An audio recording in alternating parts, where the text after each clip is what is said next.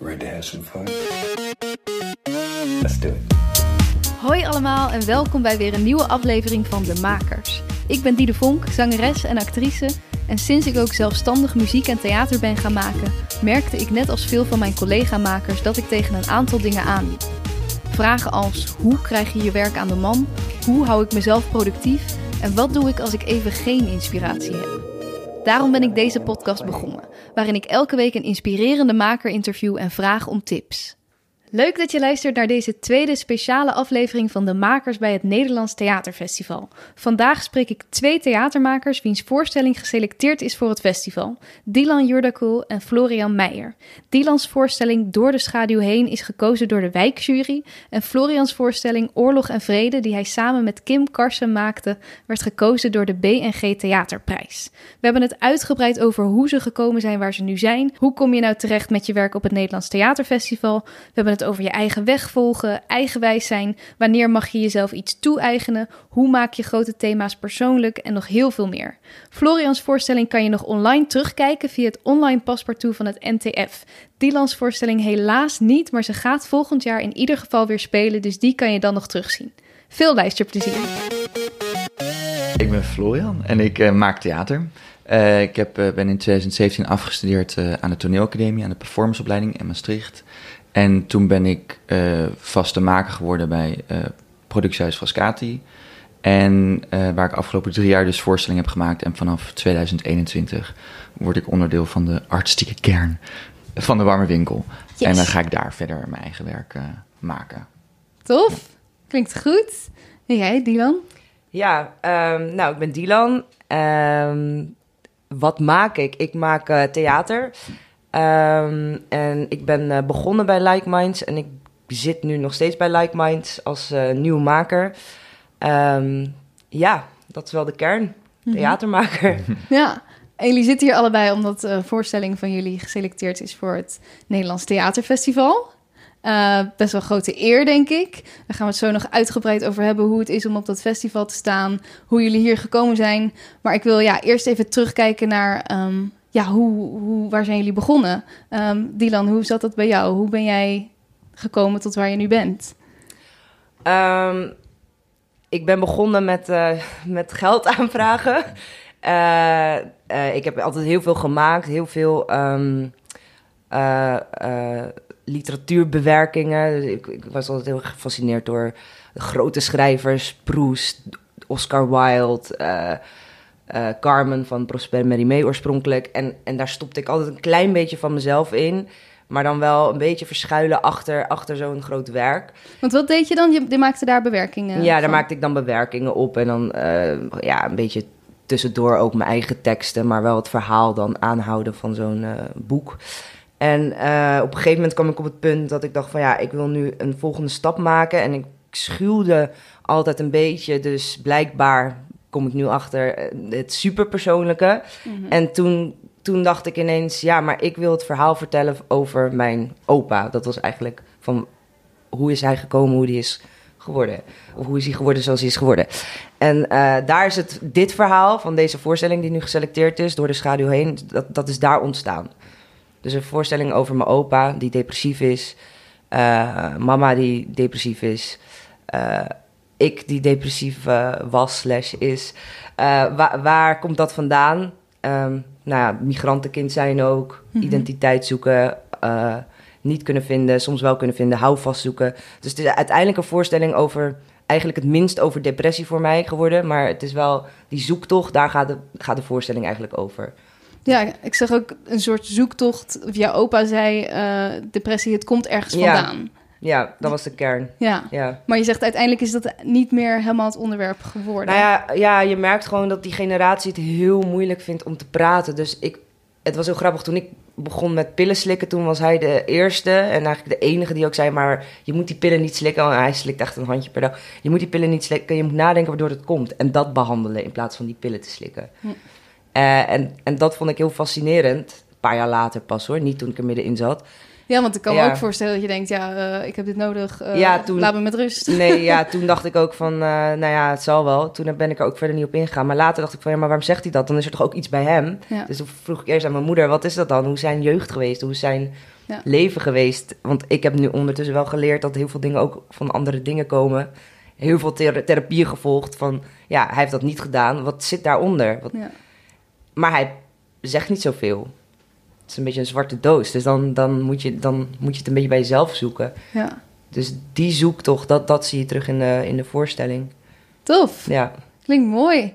Ehm, en hoe zit dat bij jou, Florian? Jij, jij, bent, jij hebt volgens mij super veel verschillende dingen gemaakt. Mm. Dus een paar jaar geleden afgestudeerd van de toneelacademie. Ja, En ehm, eh, je zei, je bent begonnen als maker bij Frascati. ja, nou, ja. Hoe werkt dat? Hoe kom je daar eh, na je opleiding terecht? Nou, ik had voordat ik uh, naar... Ik heb eerst cultuurwetenschappen gestudeerd voordat ik naar Oh, ja. toneelacademie ging. En toen deed ik zo Breaking Walls. Dat bestaat niet meer, maar dat is Ja. zo'n jongere, jongere platform was dat bij Frascati. En, die maakte, en dat was heel tof. En die maakte... Hadden een festival en dan maakte je voorstellingen. Eh, Terwijl je nog eh, cultuurwetenschappen ja, studeerde. was ik eh, 19, eh, 20. En, eh, en, en je had verschillende dingen. Je had dat je... dat een groep jongeren met een hele gerenommeerde maker een voorstelling ging maken. Dus ik heb dat dan met Nicole Beutler met een groep jongeren gedaan. Ehm, maar je ging ook, kon ook zelf performances maken, heb ik dan ook gedaan. Dus dat was ook een beetje mijn aanraking met eh, zelf maken. Mhm. Omdat ik toch in eerste instantie dacht, eh, ik wil acteur worden.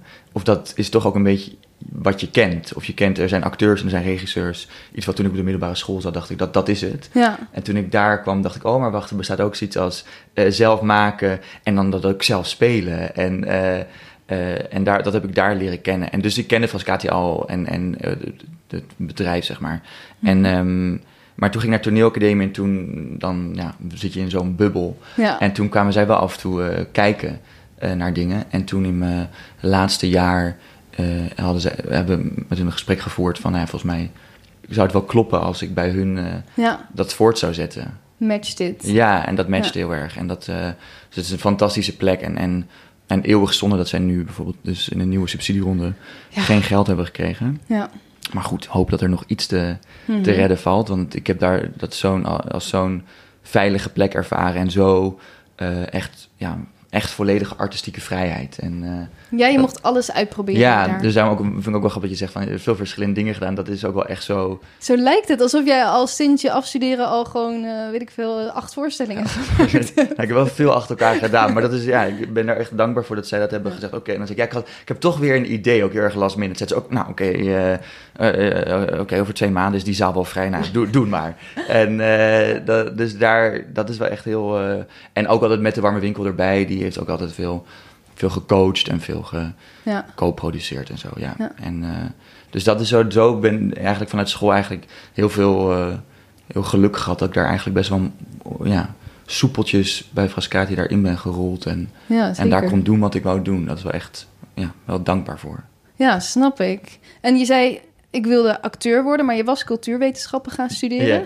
Ja. Hoe zat dat? Mm. Ik durfde geen auditie te doen. Of ik dus ik, ik eh, had het wel gedaan. In mijn, in- ik dacht eerst ook in mijn eindexamenjaar, ik ga voor alle scholen auditie doen. En toen kwam een puntje bij paaltje. dacht ik, nee, ik durf het ook niet. Ik ga voor geen school. Ja, toen heb ik alleen Amsterdam gedaan, want ik kom uit Amsterdam. dacht, nou, dat is in de buurt. En, eh, eh, en toen heb ik Amsterdam gedaan en toen daar afgewezen. En toen dacht ik, ik zie wel nooit meer iets met theater te maken hebben. En eh, ze zeiden, ze, ja, wat was het? Wat een, wat een stomme school. En, en toen dacht ik, ik ga iets heel anders doen. Ik ga, wat ik ook wel heel leuk vond, hoor, want dat is ook, ja, vond, ik ook echt leuk om te doen. Zo ben ik eh, drie jaar cultuurwetenschappen gestudeerd. En, maar, en onder, maar ja, ik, het, ja, het bloed gaat waar het niet, hè, waar het, waar het niet Kruipt gaan- waar het- kruipt waar het niet gaan kan. Nou, wat, eh. Eh, dus ik moest, ik ging toch wel zo dus dat Breaking Walls doen en Ja. bij andere plekken, zo Poldertheater is ook zo'n plek waar ja. je, zo dat soort plekken. ja, zo lekker hoor je dan vaak mensen die zeggen, oh ja, dat, ja, Ja. dat is echt zo'n trajectje wat je dan gaat. Ja. En, ehm, nou, en toen hoorde ik een vriendin van mij van de middelbare school, waarmee ik altijd eh, bellen van Herikhuizen, die nu ook is regisseur ook. Oh ja, die ook. Die, eh, dat ik met de middelbare school en was onze droom samen. En zij was wel, we hadden het lef gehad om wel te blijven proberen. Ah. En die was uiteindelijk aangenomen in Maastricht voor de regieopleiding.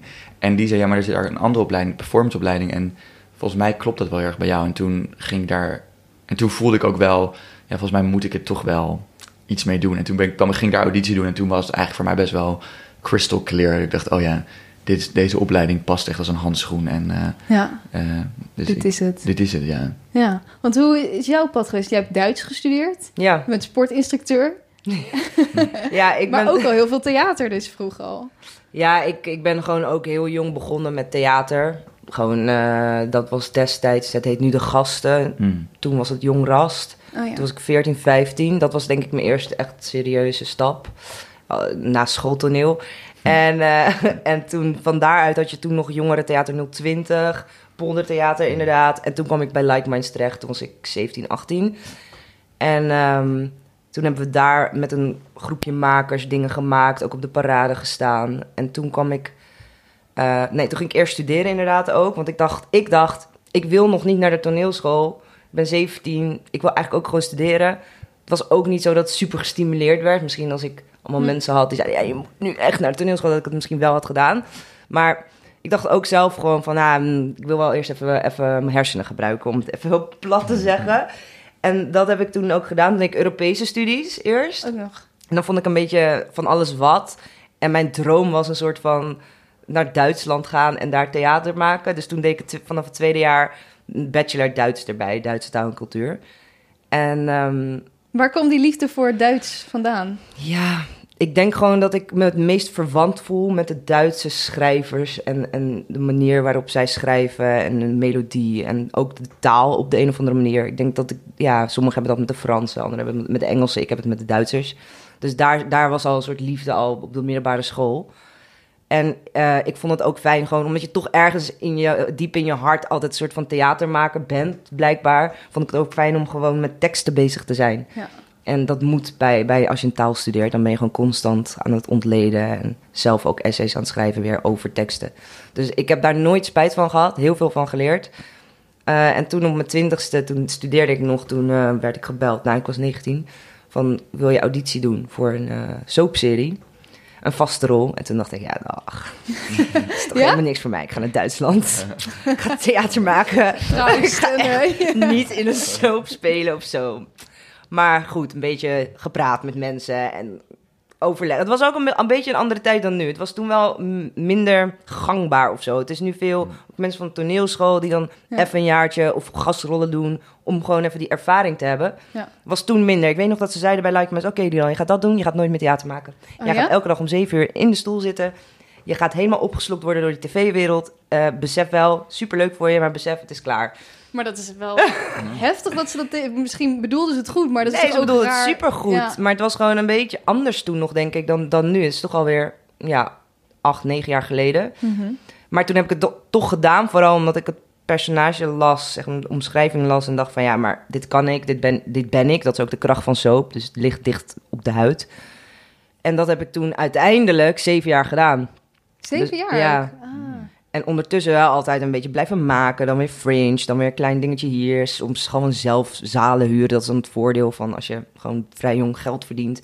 Ja. Dat je gewoon een zaal huurt en dan even een weekje iets speelt. En dan inderdaad alles zelf doen. Wat je normaal op een school misschien wel leert. Dat je dan zo Nou, ook niet productie echt hoor. Ja. en ja, ook niet echt, nee, klopt. Maar het heeft me wel geholpen in het opzetten van een productie. Ja. En, en, en gewoon nederig zijn en Dat allemaal zelf ja, te- alles zelf doen. En ook wat, wat er niet goed aan is aan alles zelf doen. Dat je dus nooit tot de kern komt. eh, namelijk de totale concentratie op het podium. En ineens alles loslaten en echt de performer of de Ja. speler zijn. Omdat je toch in je hoofd bezig Ja. bent met al die andere zaken. Ja. Dus dat was, eh, dat was een beetje, dat is mijn traject geweest. Totdat ik in 2017 dacht van ja, nu ben ik wel klaar voor. Ik heb het tussendoor ook wel eens gedaan. Maar toen dacht ik, nou, nu ben ik wel klaar voor een nieuw subsidietraject als nieuwmaker. Terug naar Like Minds gaan. Van ja, zullen we het weer, weer eens proberen? Eh, en eh, heel veel gesprekken gevoerd van waar sta ik, wat wil ik. En, en zo is dat traject toen begonnen. Mhm. En dit was de eerste voorstelling van dat traject, ja. En dus voor het eerst ook nou, echt een heel persoonlijk eh, Ja. gegeven. Wat, wat was de reden dat je dacht, oké, dat durf ik nu aan? Nou ja, een beetje dus eh, groei. Dus ik verschool me achter, altijd achter allemaal eh, grote, grote namen en schrijvers. En ik was denk ik gewoon op een punt dat ik dacht... volgens mij is het juist de uitdaging om vanuit het persoonlijke te vertrekken. Want dat is uiteindelijk ook mijn kracht of zo. Ik ben nou eenmaal een randfiguur binnen de Nederlandse samenleving. Ik kijk anders door mijn achtergrond. En misschien is het niet interessant. Misschien is het allemaal eh, heel narcistisch. Maar ja, het is, het is wel het, het is een blik. En die blik, als ik die nou echt verfijn en daar echt dieper op inga, dan is het misschien uiteindelijk weer interessant voor iedereen. Ja. Maar wel zo integer mogelijk je eigen verhaal proberen te vertellen zonder rekening te houden met. Maar wat, wat wil de me- willen de mensen horen? Ja. En dat is wel. Dat vind ik wel altijd. eh, ik heb altijd heel veel toneel gekeken. En, en ik vond dat altijd heel lastig als het persoonlijk werd. Dat ik dacht van ja, maar het boeit me niet. En je doet dit. het Je, je- het is bijna diegene. slim ook gedaan soms. Van we doen eventjes. Dit is de knop. En dan, dan, dan, dan weten we dat het publiek daar geraakt is. En, Mm. en dat wilde ik absoluut niet. Maar dat is niet eh, makkelijk of zo. Dat, dat, dan moet je ook heel veel afzetten en heel veel... Ook wel lef hebben om dat gewoon wel niet te doen. Ja, want er zijn ook, nou ja, niet theaterregels, maar er zijn inderdaad dingen waarvan je weet, oké, dat werkt. Of Ja. dat, dat eh, zo'n boog is fijn. Heb je die bewust dus allemaal geprobeerd niet te... Ja, mijn grootste doel was, en dat is heel fijn, ehm, dat ik uiteindelijk met Julie van den Bergen kon werken. Want zij bleek gewoon een match made in heaven te zijn. Maar eh, dat ik ook gewoon door al mijn ervaring wist, ik moet een regisseur hebben. Je kan wel als maker allemaal zelf, mm, maar je moet gewoon niet eindregie, maar gewoon een regisseur hebben. Die daar echt in meegaat en meekijkt en meedenkt. En ik denk dat ik zelf het het prettigst vind en ook het, het, het interessantst vind als het echt theater blijft. Dus ik hou wel van het persoonlijke, maar het moest theater blijven. Er moest een vorm voor gevonden worden. Ja. En dat, dat heeft Julie gewoon heel goed uitgezocht samen met mij en heel veel mooie dingen opgevonden. En dat is denk ik ook de kracht geworden. Maar dat is tegelijkertijd ook eh, kritiek van, oh ja, het is, het is een vorm, dus het is niet kwetsbaar. Of het is een vorm, dus eh, je laat het toch weer niet te dichtbij eh, komen. Ah, maar ja, Ik, ja. ik ben het daar niet persoonlijk niet heel erg mee eens. Maar het is wel, je houdt ervan of je houdt er niet van. Het is, Ja. het- de bedoeling was, iedereen zou dit moeten kunnen spelen. Ook als het mijn verhaal. Maar Ja. iedereen zou het moeten kunnen spelen. En dat, dat vind ik wel wat, wat kunst ook moet zijn. Dat het niet... Ja, je hebt, natuurlijk heb je documentair theater of hele persoonlijke verhalen. Maar, maar dat is niet waar ik per se eh, voor sta. Of Nee. waar ik, wat ik wil maken. En blijkbaar heb je toch wel ook heel veel mensen geraakt. Want Ja. het is gekozen door een wijkjury en het, eh, nou ja, het staat nu op dit festival. Ja. Dus eh, daar zo meer over. Ik wil even nog naar, naar jou, Florian. Want we hadden het net over nou, al die grote schrijvers... waar je misschien dan een beetje achter verschuilt. Jij, jij hebt een stuk over eh, oorlog en vrede van Tolstoy. Nou, Ja. Als we het over grote schrijvers hebben, Ja, is dat er ook wel Een van de grotere, ja. ja. Hoe zorg je dat je dat dan, of hoe, ja, hoe doe jij, hoe maak jij? Ik heb ook nog helaas het niet gezien, maar hoe betrek je dat dan toch op jezelf? Of waarom, ja, waarom wilde je vanuit daar vertrekken? Nou, het is wel grappig, want ik heb dus ook altijd, heel veel persoonlijk werk gemaakt. Dus, eh, dus op de toneelacademie en ook daarvoor eigenlijk. Maar en, en, en ook zo toen ik daar uitkwam, was dat echt zo... Ook wel echt een beetje zo inderdaad mijn bron. En op een gegeven moment, ik, Oorlog en Vrede kwam ook uit de behoefte om juist een keer... Is eigenlijk een een omgekeerde beweging. Ik heb iets anders nodig om Ja, ja. me toe te verhouden. Of in ieder geval, daarvoor had ik... Ik heb samen met Kim Karsten gemaakt de voorstelling. En, en eh, Bloomsbury was de voorstelling daarvoor met Kim. Was het ook. Het ging dan over de Bloomsbury Group. En ehm, dat was misschien de eerste keer dat we dat deden. We dachten, oh ja, we hebben inderdaad vaak vanuit het zelf... Maar ik heb ook even iets nodig om dat hele persoonlijke toe te verhouden. Want die Bloomsbury Group, dat is eh, even voor de luisteraar een soort kunstenaarsgroep, Ja. een beetje vrijzinnig. eh, ja, Engeland begin 20e eeuw. Virginia Woolf is de bekendste, ja, bekendste precies. lid. Ja, En, eh, heel, en die zich heel erg verzetten tegen de Victoriaanse rigide opvatting over seksualiteit en over andere dingen. Ja. Ehm, dus dat was misschien de eerste keer, dat was nog voor oorlog en vrede, dus dat wij dat ontdekten van, oh ja, dat is weer even een nieuw, een nieuw pad om inderdaad eh, het persoonlijke te combineren met, of te echt let, en bij Bloomsbury was het heel letterlijk, zeiden we oké, wat als wij, want ze hadden echt, de Bloomsbury had echt een soort ideologie, wat als wij vandaag de dag zouden gaan leven als de Bloomsbury Group, echt als een gedachte-experiment, wat zou er dan gebeuren? Dat, als wij ons zouden, eh, en dus dat was heel letterlijk soort van je daartoe verhouden. En toen bij Oorlog en Vrede dachten we eerst ook, en nu gaan we all the way dat persoonlijke loslaten. We gaan, we gaan echt oorlog en vrede doen. Dus we gingen dat maken en zo onze lief... Nou, dat is natuurlijk 600, 1600 pagina's, dus hoe ga je daar dan zo... Dus zo, eerste ging ook nog zo, wat ik zo dat gelezen en we hadden zo onderstreept wat we mooi vonden. En toen gingen we er zo heel chronologisch mee van, dit vond ik een mooie passage. En op een gegeven moment, na, na een week was je op pagina 40. En dacht je, nee, dit werkt niet. Dus toen maar intuïtief zo, hey, dat vond ik mooi, dat vond ik mooi. En op een gegeven moment hadden we zo, en we plak- plakken dat dan vaak op de muur, hadden we al die scènes en hadden we eigenlijk zo een well-made play gemaakt. We hadden zo oorlog. En we zeiden, oké, ja, oké. Hoe we bedoel je een well-made play? nou, gemaakt? dus, zo, dus we hadden eigenlijk even een, een, een, een vrij klassiek toneelstuk. We hadden Oorlog en Vrede met Oh, ja. personages in Ja. Rusland, 19e eeuw. Met z'n tweetjes Met z'n tweetjes. En, zo, en dus zeiden, oké, dit, ja, dit, gaan, dit, kan, ja, dit kan, dit kan. En toen gingen we dat weekend in en de volgende dag, nee, dit gaan we doen, toch? Ja, dit gaan we doen. En toen viel er even zo'n half minuut stilte. Ja, of we doen toch weer een beetje zo. Ja, en dacht, ja, we willen toch wel, we en daar komt het toch wel het persoonlijke erbij halen omdat wij dat toch ook niet, dacht ik, ja, dat zijn wij ook niet helemaal. Snap je, zijn andere mensen die zijn dat, die zijn, eh, die doen repertoire echt en die Ja. voelen zich daar helemaal echt- senang bij. Maar, Maar wij- toch wordt dat anders, want er zitten meerdere personages in en jullie zouden dat met z'n tweeën doen. dus het dat- sowieso al. Ja, Maar naar onze smaak was het dan alsnog misschien te braaf of te. ja, Dus ja. toen, en, en het ging ook wel echt over noodzaak. Ik dacht, oké, we hebben dit ook gekozen omdat we dit. eh, we heel veel voelen bij dit boek. Namelijk vooral, zij leven echt.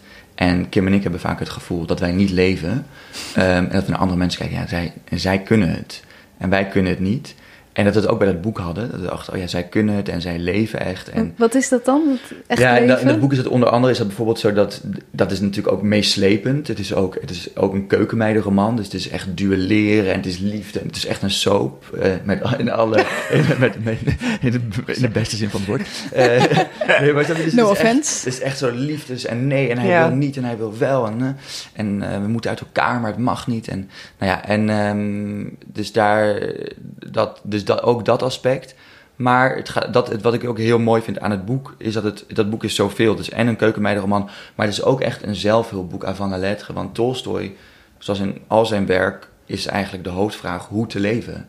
En dat doen die personages eigenlijk ook. Die zijn ook eigenlijk door alle romantiek heen ook constant bezig met... maar wat, wat is nou zingeving? En wat is nou...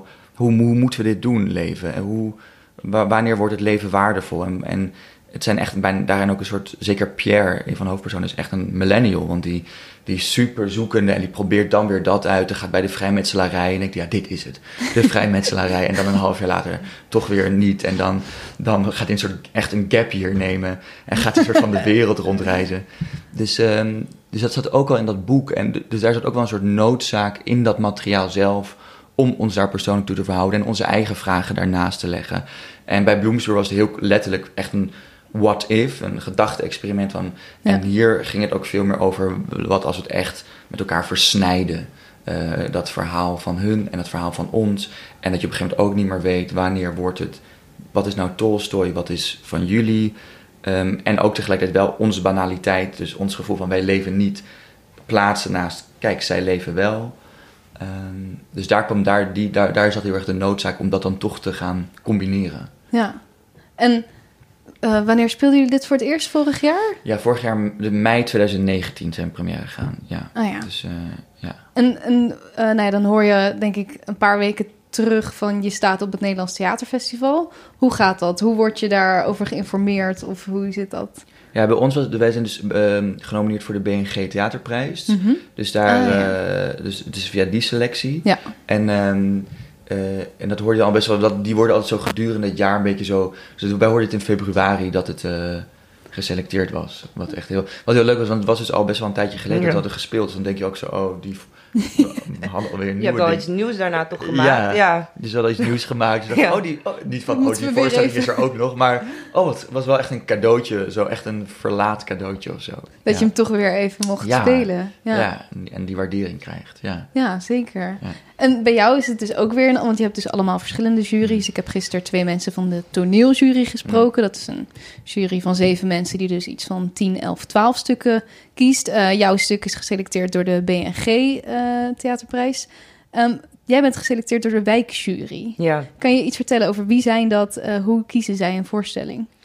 Ehm, nou, de wijkjury is onderdeel van... ehm, ik hoop dat ik het allemaal goed zeg. Maar de, een onderdeel van platform Adelheid Zina. Van Adelheid Rozen, onder andere. En ehm, toevallig sprak ik haar gisteren. En het is eigenlijk opgericht, de wijkjuryprijs. Omdat Adelheid gevraagd werd voor de toneeljury. En die dacht van, ja, maar dat hoezo zou ik moeten bepalen wat ineens goed is? Wat, wie, wat, wat is mijn blik dan? Ik wil dat daar een jury is van allemaal mensen uit Amsterdam, verschillende mensen, die naar voorstellingen gaan en die dan Ja. voor hun de beste voorstelling van het jaar selecteren. Dus geen toneelachtergrond, ja, gewoon... zo ja, ineens allemaal mensen die directeur zijn die dan eh, nooit misschien wel naar een toneelstuk gaan, behalve van een eigen schouwburg of iets. En dan die dat dan zouden moeten bepalen, dat, dat vond zij niet oké. Dus Ja. echt mensen eh, uit de stad dan. Dus je hebt iedere stad heeft een eigen wijkjury. En ehm, ja, ik ben door de, door de wijkjury Amsterdam geselecteerd. En dat was wel eh, unaniem, zei ze nog gisteren. Wauw. Dus dat is wel heel tof. Maar dat is denk ik ook wel wat mij heel erg raakte, is dat deze voorstelling dus blijkbaar zo erg raakt. En ik denk dat ik dat wel het mooiste vind ehm, aan deze voorstelling. Dat het echt binnen kan komen bij mensen. En ehm, dan is zo'n zo'n zo'n zo'n eh, nominatie wel heel veel waard ineens of zo. Eh, Eerst dacht ik van ja, eh, ja, geselecteerd, ja. Maar toen ik er beter over naging, dacht ik ja, ja, het is eigenlijk wel heel, heel tof en heel ehm, bijzonder dat, je, dat ze dat zien en dat ze het voelen en dat je dan toch blijkbaar geselecteerd wordt. Mhm. Ja, en je zei net dat het juist ook eerst een beetje kritiek was van... heb je jezelf wel genoeg opengesteld of eh, is het wel persoonlijk genoeg? Ja, Maar dat het dus toch wel ja, eh, ja, gezien wordt. ja. Ik snap dat dat ook wel even een, eh, ja, gewoon een hele fijne, positieve... Ja, en deze mensen zien echt allemaal verschillende dingen, Mm. dus dat is Ja. ook wel leuk. Dus dat, ja, dat is tof. Ja, bizar dat ze dan eh, unaniem kiezen. Te gek. Ja, ik zeg unaniem, maar heel overtuigend waren ze allemaal. Dat maak ik ineens unaniem van. Maar... Ja, uiteindelijk moeten ze vast unaniem eentje kiezen. Dus ja, dan dat is waar. Moet het wel. Ja, Ja. En nu speel jij hebt hem dus alweer een paar keer gespeeld nu. ja. Hoe is dat als je hem zo maanden hebt laten liggen en nu opeens Ja. weer mag spelen? was januari was de laatste keer. En dat is natuurlijk weer eh, acht maanden geleden. Dus het was best wel even hard werken om weer überhaupt erin te komen in die sfeer. Want het is niet meer waar ik nu ben.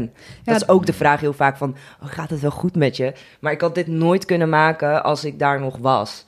Dus Mhm. ik kan wel terug ernaartoe en ik, ik voel dat allemaal nog wel. Maar ik ben niet meer dat meisje waar, waar ik daar, hoe dat vertel en waar ik daar sta.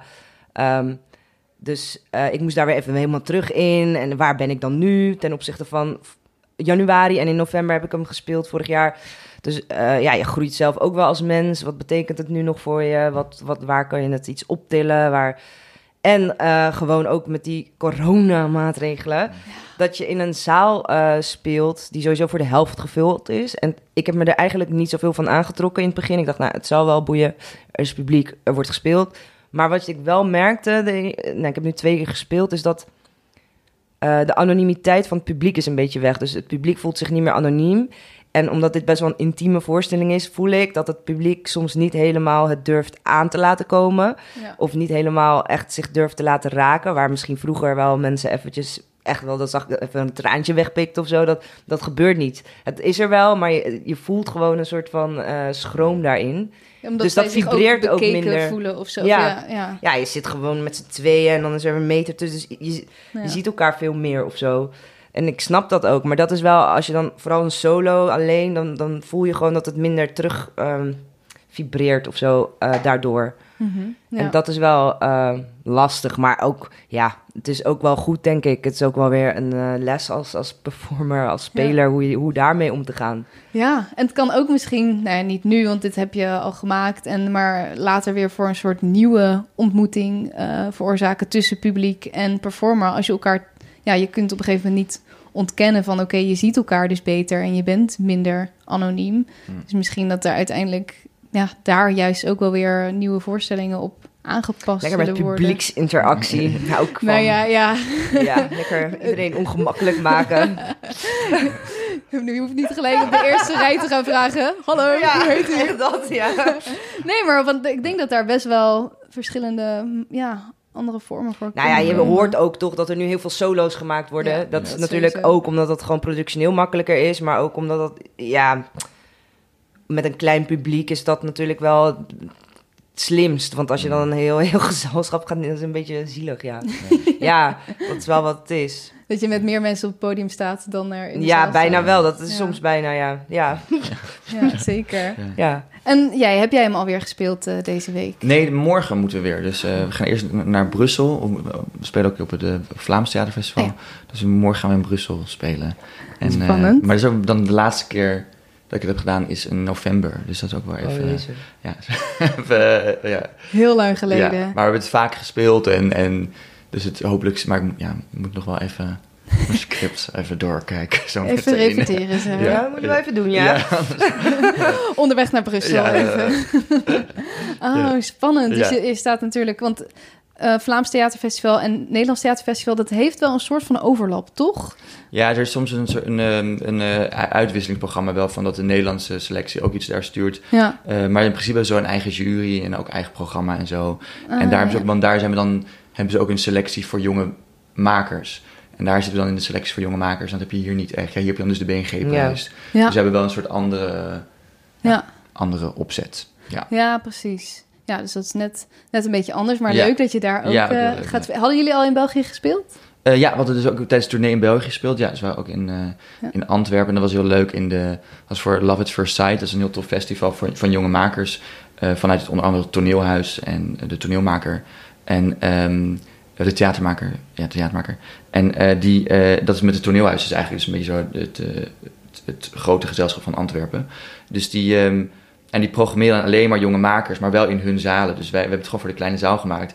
Maar toen mochten we daar dus in de grote zaal, was echt zo, zoals de Schouwburg hier, onze, onze voorstelling die voor normaal voor 80 mensen speelt. Dat is ook raar, toch? Ja, Daar is hij dan ook niet echt op gemaakt. Helemaal niet. En opeens moest ook gezenderd worden. En Oh, dat is heel, maar dat vond ik wel heel leuk. Echt zo dat je denkt, oké, en dat ze dat ook gewoon doen. En dat ze Mhm. gewoon zeggen, oké, we zetten jullie Ja, gewoon daar neer. En eh, dat doen ze met al die makers. Dat is echt te gek. het kan wel ook dus gewoon. Ja, dat is een, heel, een hele leuke ervaring. Ja. Ja. Nou ja, we hebben nu al best wel een paar maanden natuurlijk niet echt kunnen spelen. Jullie zullen daar ook veel last van hebben gehad, denk ik. Ik weet dat jij met de Warme Winkel een voorstelling zou gaan spelen. Mm. Hoe, ja, hoe zijn jullie de afgelopen maanden doorgekomen? Wat hebben jullie wel kunnen doen? Nou ja, dus die voorstelling met de Warm Winkel, wij zouden 15 maart première hebben of zo, 16 maart. We hadden één tour out gehad en toen was het zo lockdown. Ja. Dus hij is af, de voorstelling. En, eh, en dat is ook een hele grote voorstelling. was oprechte ode aan de ironie. Eh, dus met vier mensen van de Warm Winkel en dan vier eh ex-Temptation Island Ja, ik vind het zo'n hilarisch gegeven. Ja, dus we hadden echt een, hele- met een hele voorstelling gemaakt. En die, en die, maar zij speelden gewoon mee? Of ze ze zijn zichzelf? Of... Ja. Ja, dus we zaten echt met z'n allen en we hadden ook... Ja, Ja, wat tof. ja, dat was echt heel leuk. Om, dus die, dus die, die is klaar en die, zit, die gaan we pas volgens mij volgend seizoen dan weer spelen. Mhm. Dus die, die, die ja, de- dat is eh, even in de ijskast. ja. En eh, Kim en ik hebben inmiddels ook een nieuwe voorstelling gemaakt met Ja. Visto Park. En eh, wat wel heel fijn was, want wij zouden die gaan maken voor Over het Ei. En dat ging dus niet door. En toen was Vascati zei inderdaad van, nou ja, maakt niet uit dat het niet doorgaat. We gaan het toch gewoon doen. En, ehm, en daar dat is, daar zijn we heel blij mee geweest. Dus daar hebben we vorige week onze laatste voorstelling van gespeeld. En gewoon in Frascati 1 in de grote zaal mochten we dan gebruiken. En daar hebben we een heel park van gemaakt. Wat wel heel fijn was ook, omdat je dan dus niet... eh, dat kregen we ook veel terug. Dat mensen ook zeiden, ook had ik even niet het gevoel dat ik in een soort corona-setting zat. Want Mhm. we hadden gewoon die Ah. hele zaal omgebouwd tot een park met een fontein en alles. En iedereen zat wel helemaal verspreid. Maar eh, ja, we kon, doordat we best wel flexibel konden werken, konden we het helemaal meenemen in het concept. En kon je dat dus ook ja, precies. oplossen. Dat je niet als publiek denkt, oh, ik zit eh, ja, naar een soort aangepaste versie te kijken. Ja, precies. Dus, eh, dus die hebben we net hebben we gemaakt en daar waren we heel blij mee. En, eh, dus dat was ook weer fijn om eigenlijk weer, weer te maken en weer te spelen. Ja. Ja, je hebt het gewoon lekker wel door kunnen werken Ja. dus. Ja. Hoe zat dat bij jou? Wat heb jij de afgelopen tijd kunnen doen? Ehm, ik, eh, ik zat in een voorstelling ook als speler. En die is inderdaad eh, afgebroken ook. En dat gaat straks weer spelen. Ehm, nou ja, ik was ook wel blij ergens met die corona. corona. Ehm, maar wat ik, ja, de eerste maanden, de eerste twee maanden heb ik heel veel gelezen en zo. En heel veel nagedacht. En eh, ineens eh, in het feminisme gedoken en zo. En eh, dat soort dingen. En gewoon wel heel veel. Ik schrijf ook nu een. ehm, ja, ik schrijf nu. en en ik, ik ben een serie aan het produceren. Die heb ik zelf bedacht. Wat en dat vet. moest wel best wel afkomen. Want dat gaat ook Ja. echt draaien. Dus eh, ik ben heel druk daarmee bezig geweest. Ah. Ja, Wow, ook echt best wel verschillende dingen. Dus Ja. je zegt ik schrijf. Is dat eh, een boek of is dat die serie? onder andere. En, en natuurlijk gewoon een volgende voorstelling. En de serie schrijf ik ook mee, maar die, daar ben ik ook gewoon creative producer. Dus dat is, ja, dat is naar mijn idee. En dat wordt nu, maar er zit een heel team omheen, want voor een commerciële eh, zender. Dus dat is best wel groot en heel leerzaam ook. En, maar wel heel tof dat ik zeg maar als maker nu eh, op verschillende vlakken kan werken. Want dat is wel eigenlijk mijn droom altijd geweest. Ja. En ehm, het is heel verschillend. Een serie maakt heel iets anders. En solo maken is heel iets anders. Maar de ervaringen, die, die helpen wel of zo. Hmm. Mhm. Maar je bent gewoon veel meer afhankelijk van veel meer mensen... en veel meer ideeën en veel meer meningen. Ja. Bij solo kan je toch nog altijd denken... ik heb een première en ik ga lekker doen wat ik wil. Maar dat, zo werkt het niet bij, bij een serie. Dat is Ah. gewoon heel anders, ja. En hoe werkte dat dan? Jij had een idee voor een serie. Ja. Heb je dat ergens gepitcht? Of... Ja, ik heb dat eh, gepitcht. ehm, en eh, ja, ik mag er nog niet te veel over zeggen, dat is heel stom. Maar ik heb dat gepitcht en toen, eh, en toen zeiden ze, oh, wat een goed idee. En toen kreeg ik een beetje geld om het verder uit te werken. En dat traject heeft ongeveer een jaar geduurd. Ja. En toen was het zo van, nou, we gaan het maken. En dat was eigenlijk ook net voor corona, van Def Go. En toen kwam corona en toen zouden we eigenlijk in de zomer draaien, maar dat ging dan niet door. Mhm. Dus nu is het naar oktober verplaatst. Ah. Maar het is, ja, het is een iets langer traject vaak dan theater maken. Dus eigenlijk ben ik hè? In 2018 heb ik het gepitcht, eind 2018. Dus we leven nu alweer twee, ja, twee jaar. En dat is nog snel. Ja. ja, want het is dus wel gelijk. Ja. Je hebt natuurlijk ook wel eens dat het niet eh, gelijk ergens wordt eh, gekozen of weet ik veel. En je merkt gewoon nu een hele tendens dat ze gewoon ook op zoek zijn naar ander soort verhalen. Dat we eigenlijk altijd alleen maar penosa's en romcoms en dat soort dingen hebben gezien. En, en dat ze ook wel voelen in, in tv en filmwereld dat dat ehm, eigenlijk niet meer kan.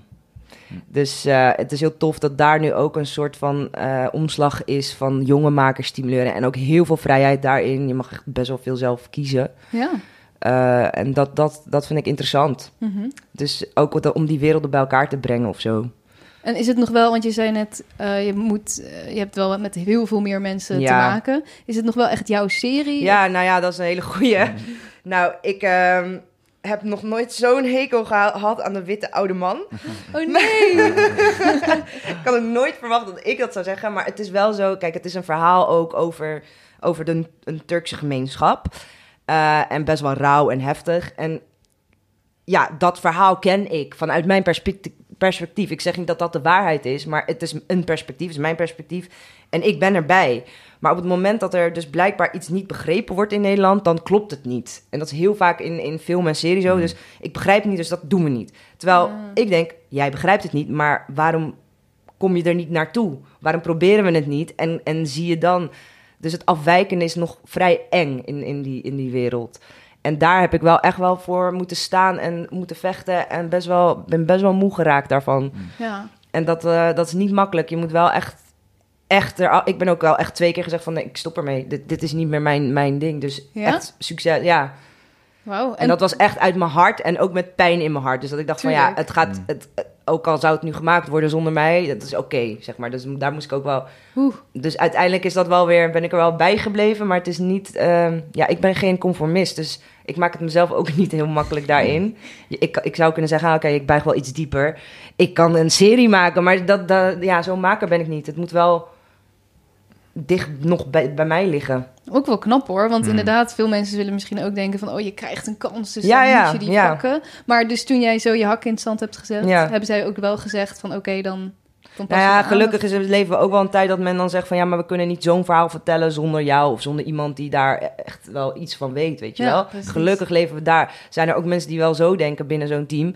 Maar eh, ja, het is niet vanzelfsprekend. En het is als je echt iets authentieks en ook op een integere manier wil vertellen en niet te veel eh, compromissen wil sluiten, dan, dan is dat niet altijd makkelijk. Nee, nee, Hm. snap ik. En er zijn gewoon nog te weinig makers die, eh, eh, nou ja, ik merk gewoon aan mezelf dat ik nog te weinig mensen ken in die wereld. Dus in theater ken je dan wel mensen, heb je een soort van bloedgroepen gevonden. En hier is dat nu ook nieuw, nog nieuw voor mij. Dus dat is wel, Ah. eh, ja, ook moeilijk soms. Maar je eigenlijk dacht ik, dit traject heb ik ook in de theaterwereld gehad. Dat ik gewoon echt allemaal dingen maakte met mensen. En ik dacht, ah, dit ga ik nooit meer met jou werken. Dus dat, dat ja, dus je begint Ja. een soort van opnieuw. Ja, precies. Ja. En je hebt misschien dus ook niet een soort groep waarmee, waarmee je kan sparren. Nee, van, nee, oh, heb ik jij sta dit wel echt zo? alleen als. Turkse vrouw. Ja, precies. Ja. Toch Ja. dat je net ook niet weet van, in, in- inzicht hebt van, even heel grof gezegd, dat zijn de goede en dat zijn de slechte. Nee, van, zeker. Ja. Ik moest echt van, vanaf nul beginnen. Regisseurs kende ik niet, scenaristen. Nou, ik ken wel de commerciële wereld. Ik heb zeven jaar voor goede tijden gewerkt. Dus Ja. ik weet wel hoe, hoe zo'n script in elkaar steekt. Dat ik echt wel rekening moet houden met een publiek. Dat, Weet je wel, is heel anders. Je houdt rekening met een ja. publiek. Eh, van begrijpt men het? Of, dat snap ik allemaal wel. En ik snap wel wat com- commercie is. En ik vind dat ook niet erg. Maar er zijn gewoon grenzen. Ja, want je had ook naar een publieke omroep kunnen gaan Ja. natuurlijk. Ja. Ja. Maar waarom heb je Maar dat- ja. nee, ja, ik heb eigenlijk gekozen voor, omdat dit ook een beetje zo op mijn pad kwam, maar ook omdat juist deze groep zo heel snel werkt. Want bij de publieke omroep is het Ja. gewoon wel nog trager. Hm. En ook minder, ehm, ik denk dat ik dan minder ver had kunnen gaan ook. En misschien minder groot publiek die het had gezien. Ja, Ja. ja. En eh, hoe is dat voor jou, Florian, als eh, witte man? Om dit te horen, ben jij bezig met eh, in jouw werk dat je, nou ja, dat je ook andere verhalen wil laten horen? Of hoe zit dat bij jou? Ja, heel erg. Nou, dat is natuurlijk ook gewoon wel de, de, het hot topic op dit moment, of Mhm, zo, toch? Van zeker. Waar de tijd waarin we leven en, en, ehm, en daar ging bijvoorbeeld de ironievoorstelling ook heel erg over. Daarom werken we ook bijvoorbeeld met Temptation Island deelnemers, om het te hebben over bijvoorbeeld ironie en over ehm, eh, mag jij ehm, bepaalde dingen toe-eigenen. Bijvoorbeeld, snap je dat? Mhm. De Temptation Island, daardoor kwamen we op die setting bij Temptation Island was eh, was een artikel geschreven dat Temptation Island vooral wordt gekeken door hoogopgeleide mensen vanuit ironie. Dus en Ah, eigenlijk een beetje aapjes kijken. Of, eh, ja, ja. En, ehm, en dacht, ah, dat wat interessant. En, en laten we dan met die, met die echte deelnemers gaan werken van hoe kijken zij daarnaar.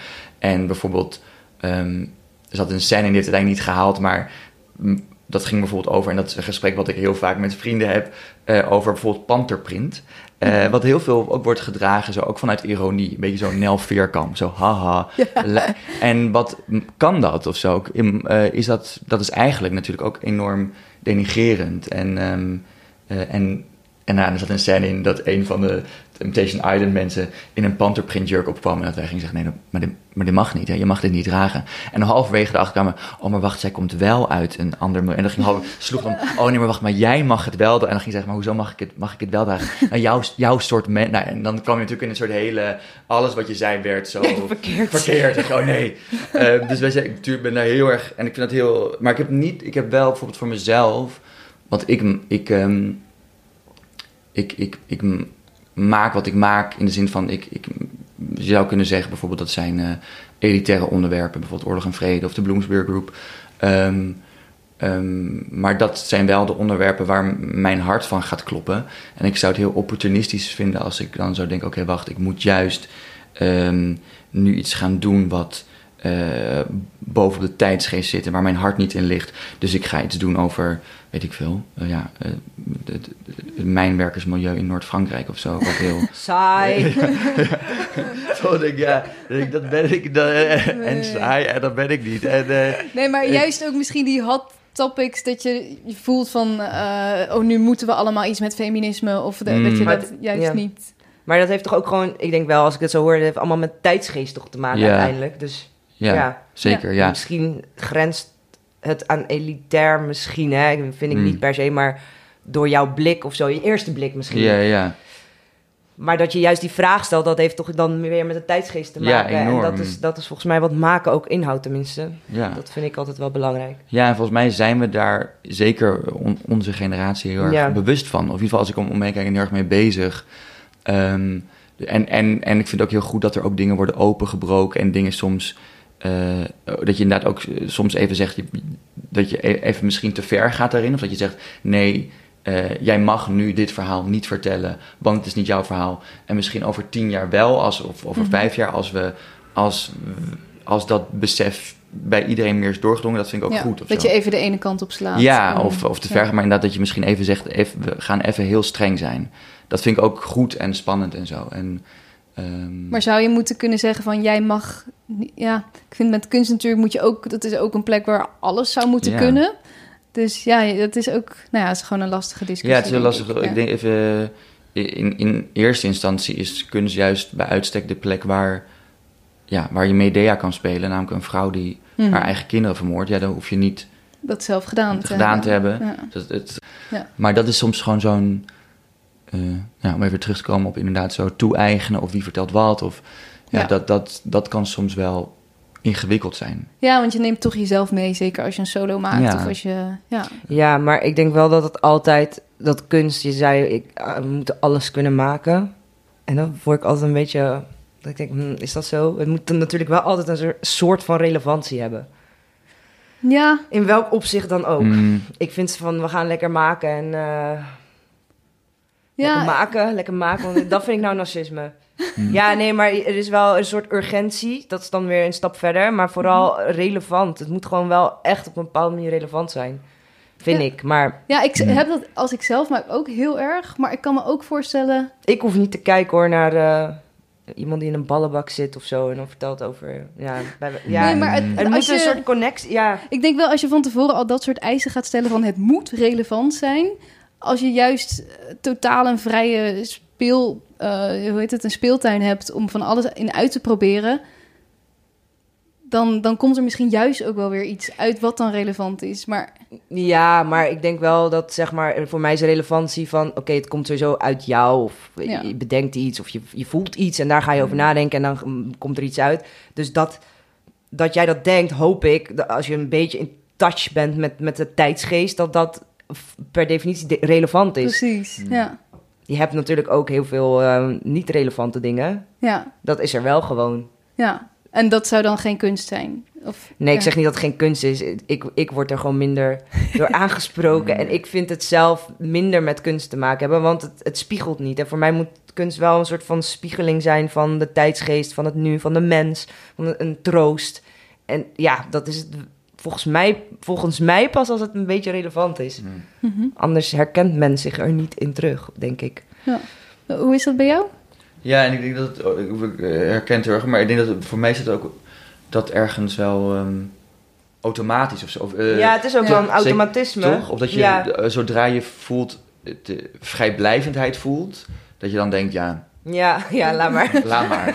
toch? Eh, of, eh, en dat, eh, en dat iedere kunstvorm dat heeft. Hoor. Maar ik, ik heb persoonlijk dat met theater heel sterk, omdat ik gewoon weet, er is zometeen gewoon echt een proef, namelijk er gaan mensen zitten, Ja. live. Ja, ja. Ja, je komt er niet mee weg met... eh, Nee. Ehm, dus je bent altijd op zoek naar. En, en ja, inderdaad, dat, dat mensen inderdaad denken: ja, dat is waard dat ik hier live naartoe Mhm. ben gekomen. Op wat voor manier dan ook. Maar en voor mezelf persoonlijk ook dat ik denk: ja, als ik het niet meer. eh, als ik de relevantie niet meer voel, dan ga ik, wel, ga ik iets anders doen. Ja. Eh, maar dat is maar, snap je? Of ik, eh, als ik voel, Ja. ik schud het, ik doe, dan, of dat ik daar, eh, dan, dan, dan ben ik weg of zo. Want dan zijn er echt wel andere dingen die ik wil en kan Ja. doen. En ehm, ja, en dat, maar waar ik soms wel verbazing naar kijk, wat ook tof is, maar dat de productiviteit, en ik doe er zelf natuurlijk ook ergens aan mee, maar productiviteit in de theatersector ligt zo hoog, Mhm. dat ik daar denk, maar hoe kan, hoe kan je eh, Zo snel iets maken. zo snel en- weer schakelen? Of waar, wat, Ja. wat is dan de waarde of zo? Dat vraag ik me soms wel af. Ja. Ja, maar ik voel wel altijd als iets heel snel snel is, of als iets mode is, Mhm. Hmm. eh, dan zie je ineens zo'n papegaaienreeks, dat iedereen hetzelfde maakt. Ja. Ehm, maar ik denk wel dat toneel slow food is, zeg maar. Dus Ja, als je zeker. echt wel iets wil maken, dan, en dan ben je, dat, dat is meestal ook wel zo, maar dan ben je als maker wel echt wel één, twee jaar zoet ermee. Ja. Vanaf het zaadje tot, tot het eindproduct. Dat denk ik ook zeker. Ik, ben, ik, ik vind dat ook soms verbazingwekkend. Hoe mensen dan zo snel iets kunnen maken. En met theater is het natuurlijk ook zo. Ja, als, het, als je het dan twee weken speelt en het is daarna weg. Dat, Mhm. dat vind ik zo zonde Ja. eigenlijk. Dat vind ik zo'n raar systeem. Ja. Het is natuurlijk ook mooi, maar het is ook ja, zonde dat dat dan ook gewoon weer verdwenen is. Ja, ja, ja. ja. Ja, dat, Ja, dat dat- is eh, super ondankbaar. Ja. Ook. ja. Maar ja, ja als, je daar, als ik daarover nadenk, hoeveel Schouwburg ik heb gezien... en dat je dan zo binnenkomt en dan speelt... en dan weer via de achteruitgang je auto in en dan weer wegrijden... en dan is dit het dan.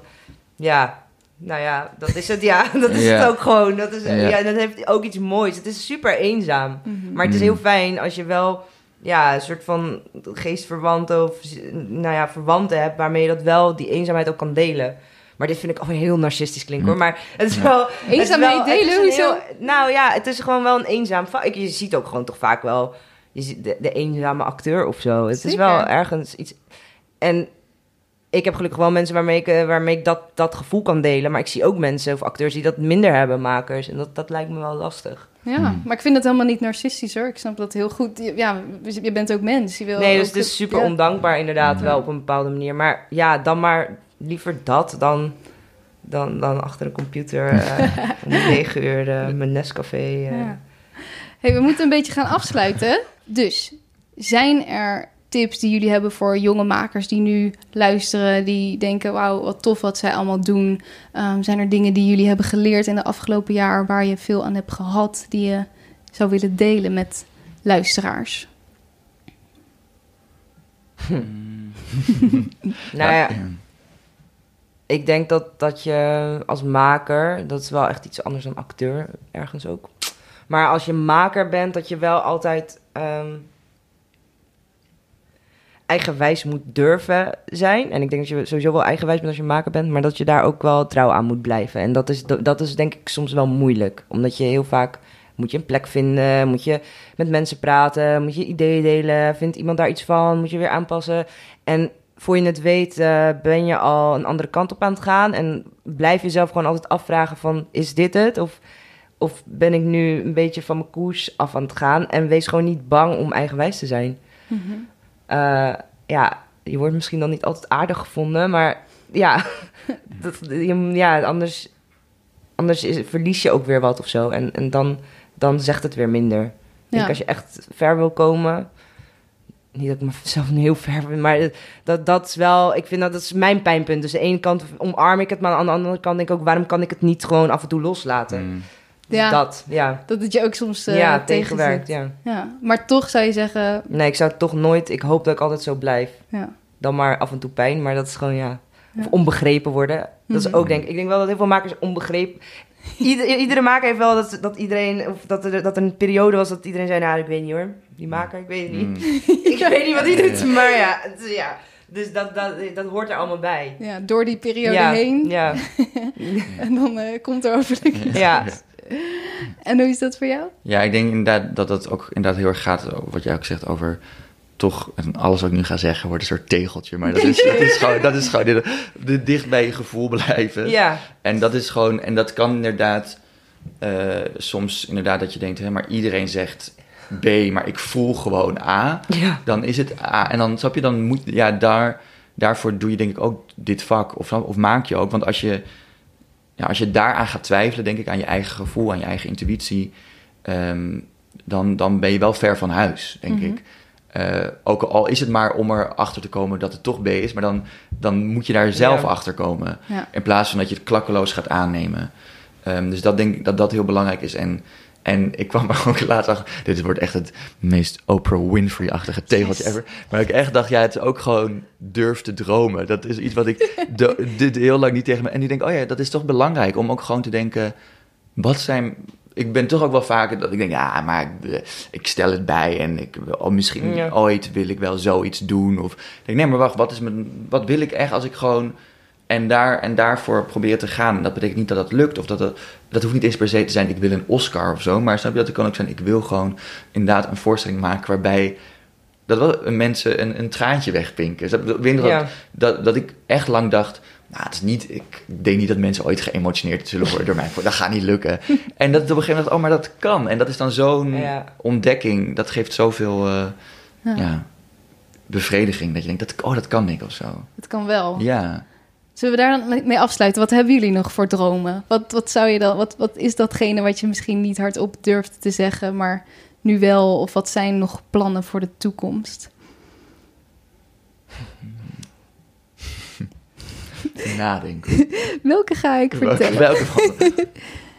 Ja, ja, heel groot. Ik zou het wel tof vinden als, als ik voorstellingen zou maken die ook gewoon in het buitenland zou kunnen spelen. Dat zou ik wel leuk vinden, in grote steden. En dat, ja, dat zou ik wel grappig vinden. Wil je nog naar Duitsland eigenlijk? Ja, waarom niet? Maar ik ben er niet echt actief mee bezig. Maar het is wel, ja, dat... ja, dat zou ik tof vinden. Als je zo'n stuk maakt wat dan overal kan spelen. Ja. Dat dat dan niet van Ivo van Hoofd is. Maar gewoon van ja. maar gewoon die van wel. mij. ja. Precies. En jij? Ja, ik heb ook wel dat ik gewoon wel verder wil gaan met waar ik nu mee bezig ben of zo. En, ik, en, dat, ehm, en dat wel ergens opschalen ook of zo. Snap? Dat, dat, dat is gewoon ook spannend. Van hoe, ja, als je echt ook bijvoorbeeld tot nu toe alles wat ik zelf heb gemaakt is kleine zaal geweest. En wat gebeurt er als je wel naar de grote zaal gaat? Of iets met met Mephisto Park, daar konden maar heel weinig mensen vanwege corona. Maar was qua opzet doordat het wel grote zaal, qua Ja. decor en zo.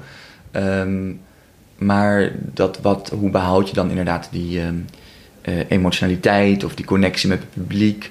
Eh, want dat vind ik toch wel vaak in de zaal- grote zaal gebeuren, dat dingen toch ook wel snel Mhm. op afstand terechtkomen en verdwijnen.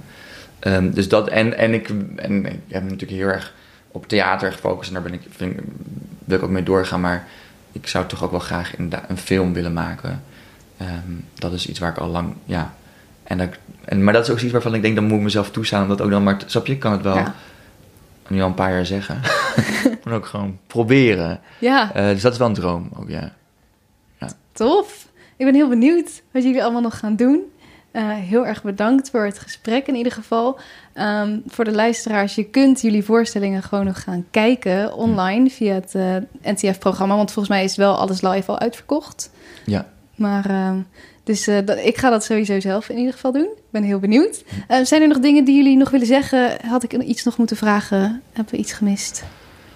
Ehm, nee, volgens mij niet. nee. Nou, heel erg bedankt dan. Dankjewel. Dat was hem. Bedankt Dylan en Florian en heel veel plezier nog met spelen op het festival. Jullie bedankt voor het luisteren. Je kunt dus nog heel veel voorstellingen terugzien via het online paspartout voor 10 euro via ntf.nl. Tot volgende week. Vond je dit een leuk gesprek? Abonneer je dan op de podcast en volg de Makers Podcast op Facebook en Instagram. Delen en reviewen is heel erg fijn en laat het me vooral weten als je nog gasten of vragen hebt die je graag wilt horen. Volgende week staat er weer een hele bijzondere, inspirerende gast voor je klaar. Deze podcast werd gemaakt door mij, Diede Vonk, en de muziek is van David Zwarts. Deze podcast kwam mede tot stand met steun van Stichting Norma. Ben jij uitvoerend kunstenaar en wordt jouw werk wel eens opgenomen en uitgezonden? Meld je dan aan bij Norma.